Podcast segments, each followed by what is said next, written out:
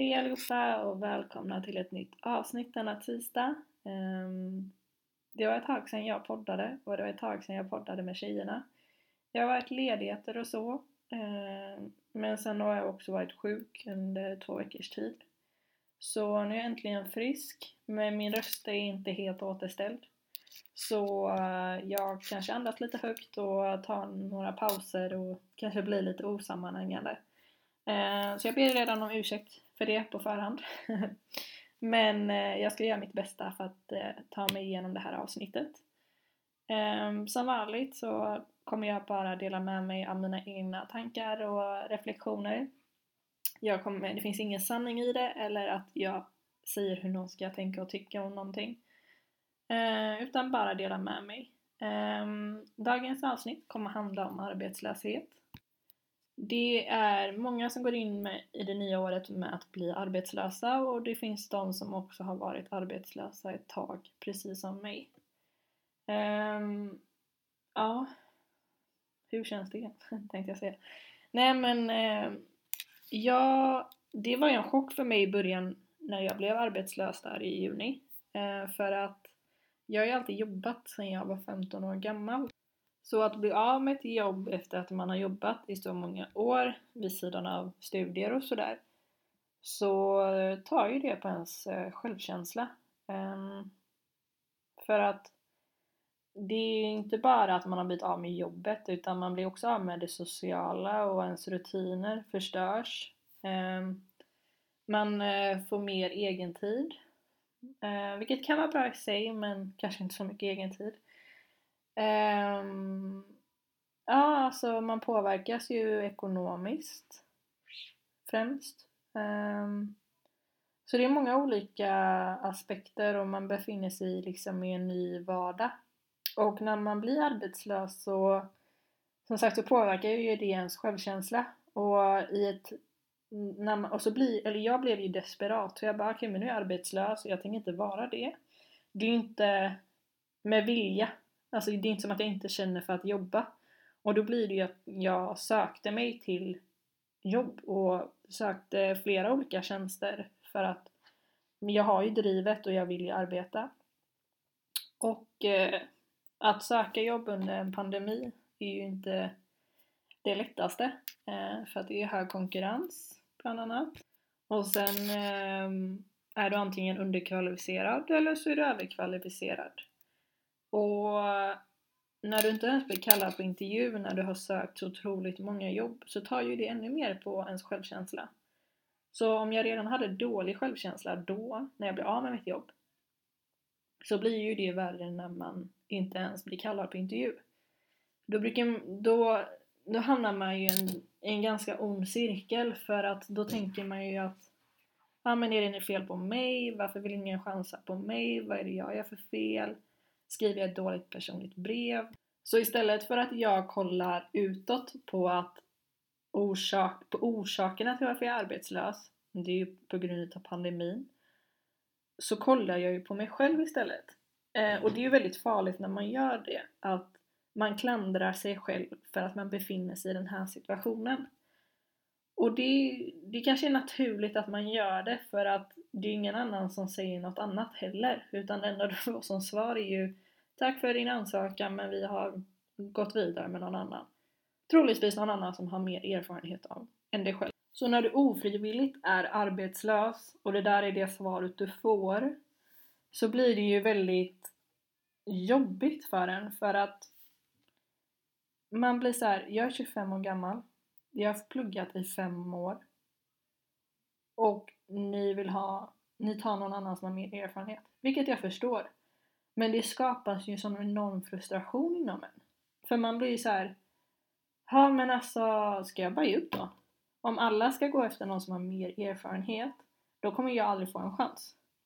Alltså det är så, man, eller det är så jag kände för att hur ska jag kunna visa framfötterna eller visa vad jag går för om ingen vill liksom ta in någon nyexad? För att, förlåt mig men seriöst, jag förstår inte hur vissa tänker för att det är inte som att jag är, när jag är 20 år gammal, går in med inställningen att jag ska ta ett jobb som gör att jag blir attraktiv på arbetsmarknaden sen när jag är klar. Utan nej, alltså jag har jobbat på Liseberg för att dels för att jag trivs men också du behöver den där inkomsten för hyra eller för fickpengar eller whatever. Du tar ju det du får. Sen visste inte jag heller vad jag vill jobba med så jag kan inte tänka så långt fram att jag bör så här, jag kanske borde ha jobbat på en myndighet eller tagit timanställning på någon kommun. Alltså, seriöst. Man blir förbannad. Jag säger inte heller att de som har mer erfarenhet inte förtjänar det mer eller att jag förtjänar det mer än dem. Jag är inte bättre än någon annan på det sättet. Utan det handlar ju om att jag vill ha en ärlig chans. Jag vill ju att någon ska tro på mig och känna att ah, men här har vi en nyexad tjej som vill få, alltså har ett driv och är framåt. Ja ah, men då, då tar vi henne. Alltså, nu, snälla. Nej men Alltså shit, man blir ju lite såhär, vad, vad, vad ska jag göra? Alltså, hur ska jag få erfarenhet om ingen chansar? Alltså om ingen tar en chans på mig liksom. Jag måste ju börja någonstans. Eh, tanken kring det här kan vara god, eller så här, jag, när jag pratar om det högt så förstår jag varför jag tänkte så och fortsätter tänka så. Men någonstans kommer man till en plats där man säger okej, okay, men istället för att klandra någon annan eller alltså hur ska jag istället för att alltså jag måste tänka mer på hur ska jag påverka mitt, min situation, vad kan jag göra? Um, istället för att vända mig utåt, vad kan jag göra för mig själv? Hur kan jag få mig själv att må bra? Och då har det blivit att, okej, okay, min plan och min vision kanske var att jobba med någonting som har med min utbildning att göra. För jag har ändå pluggat fem år man känner så här, jag tänker inte gå tillbaks till någonting eller hamna där jag är underkvalificerad. Men det är ju inte det som är farligt egentligen för att jag måste vända blicken för hakar jag upp mig på att jag ska få någon utbildning där jag konkurrerar med 200 eller få ett jobb där jag konkurrerar med kanske 200 eller 80 personer så kommer inte det öka mina chanser och det kommer bara sluta med att jag gör mig själv besviken. För det kommer bara ta på min, på min självkänsla och, att, och då blir det att jag känner såhär, nej men vad är viktigast för mig? Att jag får det där drömjobbet och fortsätter kämpa och kriga för det? Eller ska jag försöka vidga mina möjligheter? Att inte ha så höga krav. Um, främst på en situation jag inte ens kan påverka. Utan det enda jag kan göra är ju söka jobb. Men att kolla liksom såhär, men nu kommer jag börja jobba som eh, väktare varannan helg. Och för många kan det ses som ett misslyckande. Men för mig är ju det det bästa som kan hända. För att det handlar om att jag kommer få lite rutiner. Ehm, jag kommer få det sociala. Jag gör en samhällsnytta. Jag får komma ut. Alltså, i en sån här situation när vi befinner oss i det vi gör så handlar det mer om att så här, vad kan jag göra för mig själv som får mig att må bra?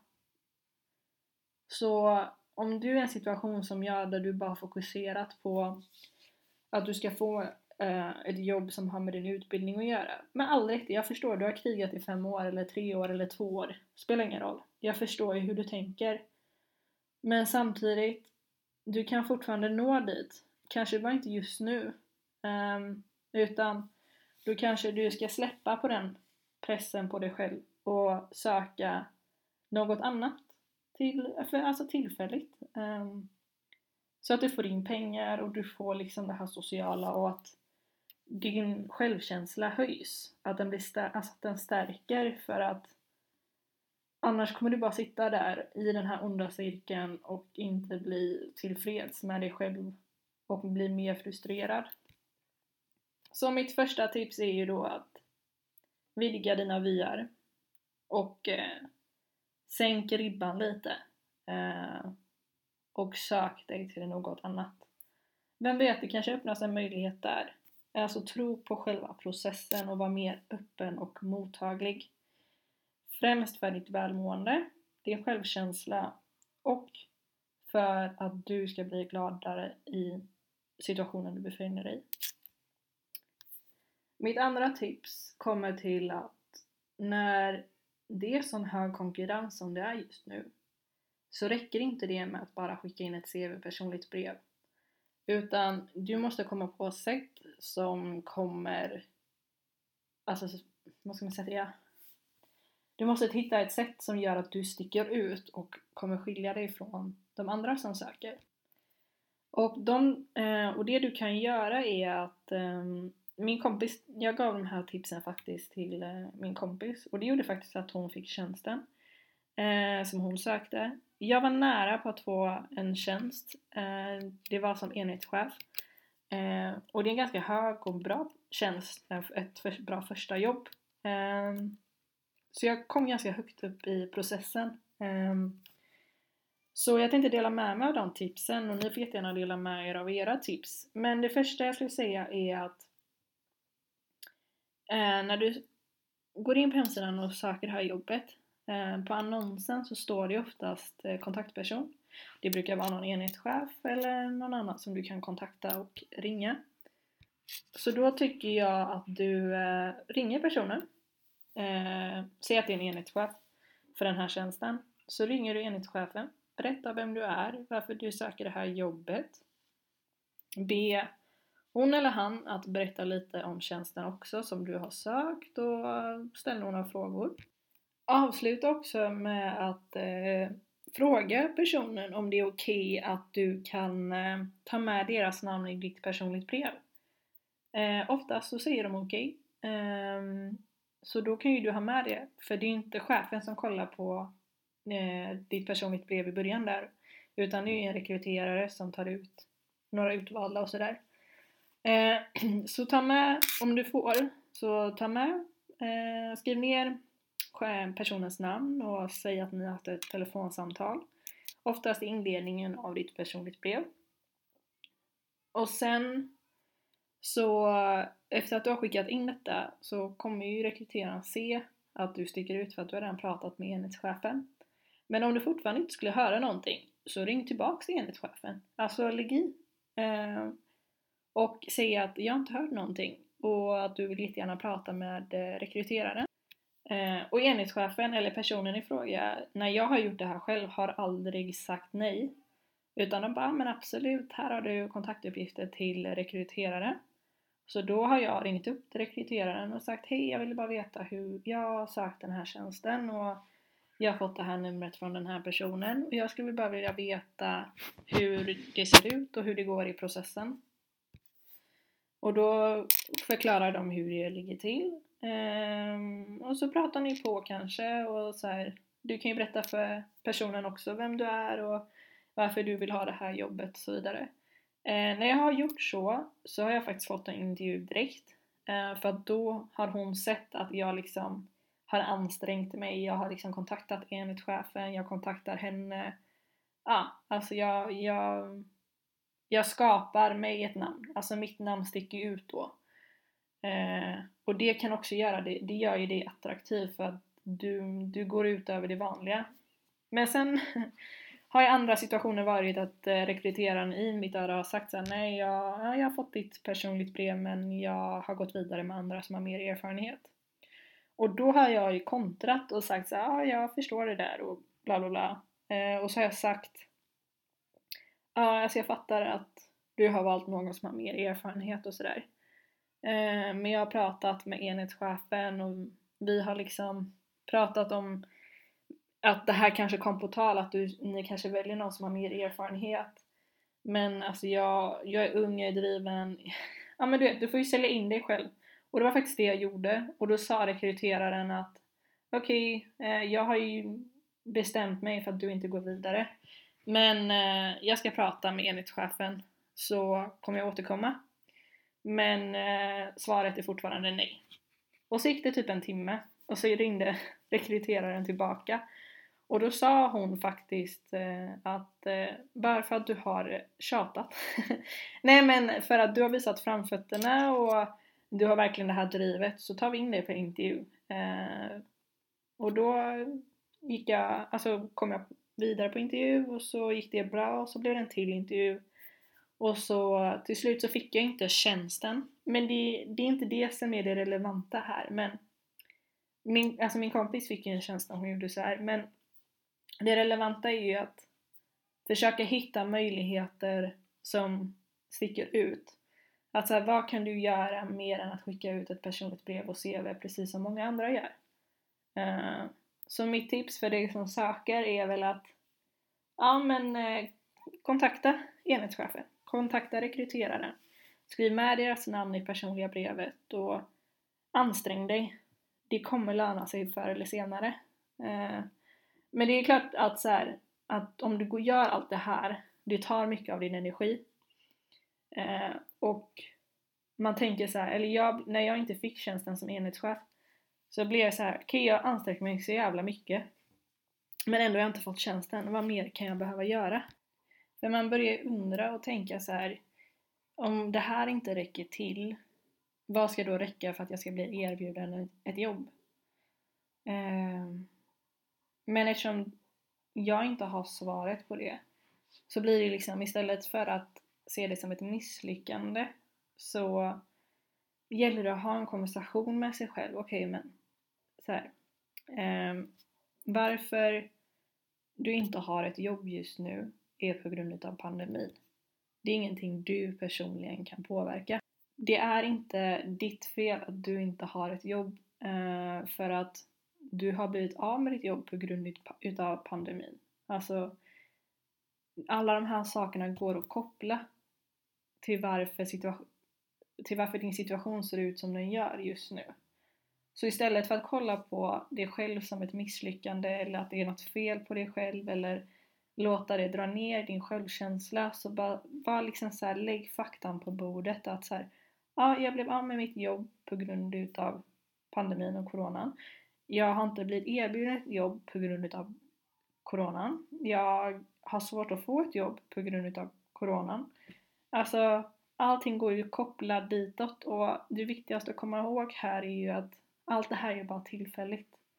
Förr eller senare så kommer det ju bli bättre. Hur och på vilket sätt det vet jag inte. Men att så här, lägg inte den pressen på dig själv just nu. För att det lönar sig inte. Alltså det gynnar dig inte att försöka kontrollera en situation som du inte kan påverka. Uh, och det är egentligen mitt tredje tips. Att lägg faktan på bordet och bara så här. Okej okay, men vad, vad är orsakerna till det här? Var liksom konkret och tydlig så kommer du kunna se mönstret och till slut kommer du kunna förstå att så här, okej, okay, jag gör så gott jag kan och det är det enda jag kan göra just nu. Och det här har ingenting med mig att göra utan det är många andra som befinner sig i den här situationen. Och jag måste bara ha tålamod och tid och fokusera på det jag kan göra som är bra för mig själv. Så det är egentligen mina tips till er som befinner er i arbetslösheten just nu som kanske känner, känner sig förtvivlade och har liksom sökt jobb och har gjort det som att det vore en heltidstjänst och inte ens känner att man kommer någonstans eller att man står och stampar på ett och samma ställe. Um, alltså vi är i det tillsammans. Uh, det är skitjobbigt. Uh, men vi måste bara liksom ha tålamod och tro på att det kommer lösa sig förr för eller senare och Ge inte upp. Eh, det är ett nytt år och det kommer med nytt hopp. Eh, försök lämna det gamla bakom dig och försök starta det nya året med ett nytt sätt att tänka och försök se möjligheter och att alltså öppna ögonen, vidga vyarna, kolla på andra möjligheter som kanske gör det lättare för dig att få ett jobb. Eh, och när du väl får ett jobb sen så Försök komma ihåg den tiden du har haft och vad du har gått igenom. Ta den här tiden att verkligen reflektera och njut av egentiden för att den är också bara tillfällig. Så mycket egentid som du har nu kommer du aldrig få tillbaka. Så ta vara på den. Um, se det som en blessing snarare som än en curse liksom. Um, för att det, det kommer löna sig till slut. Jag tror på det och jag hoppas du också gör det. Eh, och det var det för idag. Nu är jag jätteandfådd, herregud. men jag ska sluta prata för att jag orkar inte mer. Nej, men Jag hoppas verkligen att det här når ut till er som lyssnar och tack än en gång för er support och för att ni mm, tar er tid att lyssna på det jag har att säga. Eh, nu kommer det inte ta så lång tid innan vi poddar igen. Eh, det kommer inte bli ett lika långt uppehåll. Och eh, i nästa avsnitt är tjejerna tillbaka. Eh, så ha en jättebra dag. Puss på er!